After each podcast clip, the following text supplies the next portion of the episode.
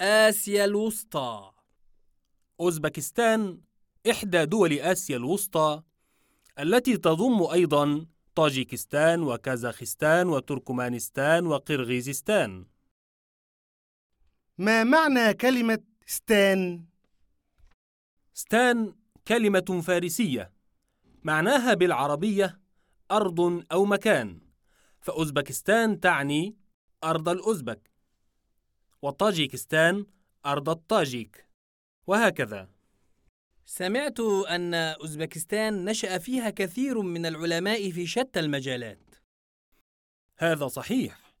ومن أشهر العلماء الذين نشأوا وعاشوا فيها الإمام البخاري صاحب كتاب صحيح البخاري والزمخشري وابن سينا والخوارزمي والمرغيناني وغيرهم.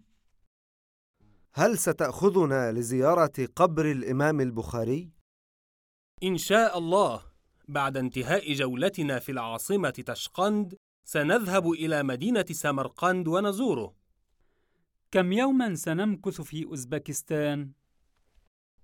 سنقضي ثلاثة أيام هنا ثم سنسافر إلى كازاخستان وهناك سنقيم في مدينة ألماطة العاصمة القديمة لكازاخستان هل سنركب التلفريك في الماطة؟ بالتأكيد سنركبه وسنزور المتحف الوطني ونشاهد الخيمة الكازاخية الشهيرة وماذا عن مسابقات الصيد بالصقور؟ هل سنشاهدها هناك؟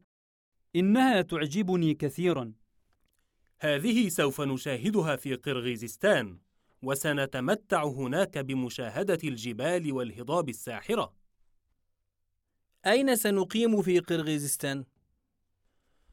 سنقيم في سكن للطلاب بالعاصمة باشكيك وسنتعرف إلى بعض المعلمين والمعلمات الذين درسوا بالبلاد العربية. هذا برنامج طويل ولكنه ممتع. ولا تنسوا أننا سنزور تركمانستان وطاجيكستان أيضا. أتمنى أن أشاهد مسابقات الخيول الأصيلة في تركمانستان. وأنا أتمنى أن أشاهد أكبر سد في العالم في طاجيكستان وأنا أتمنى أن تستعدوا للنزول فقد أوشكنا أن نصل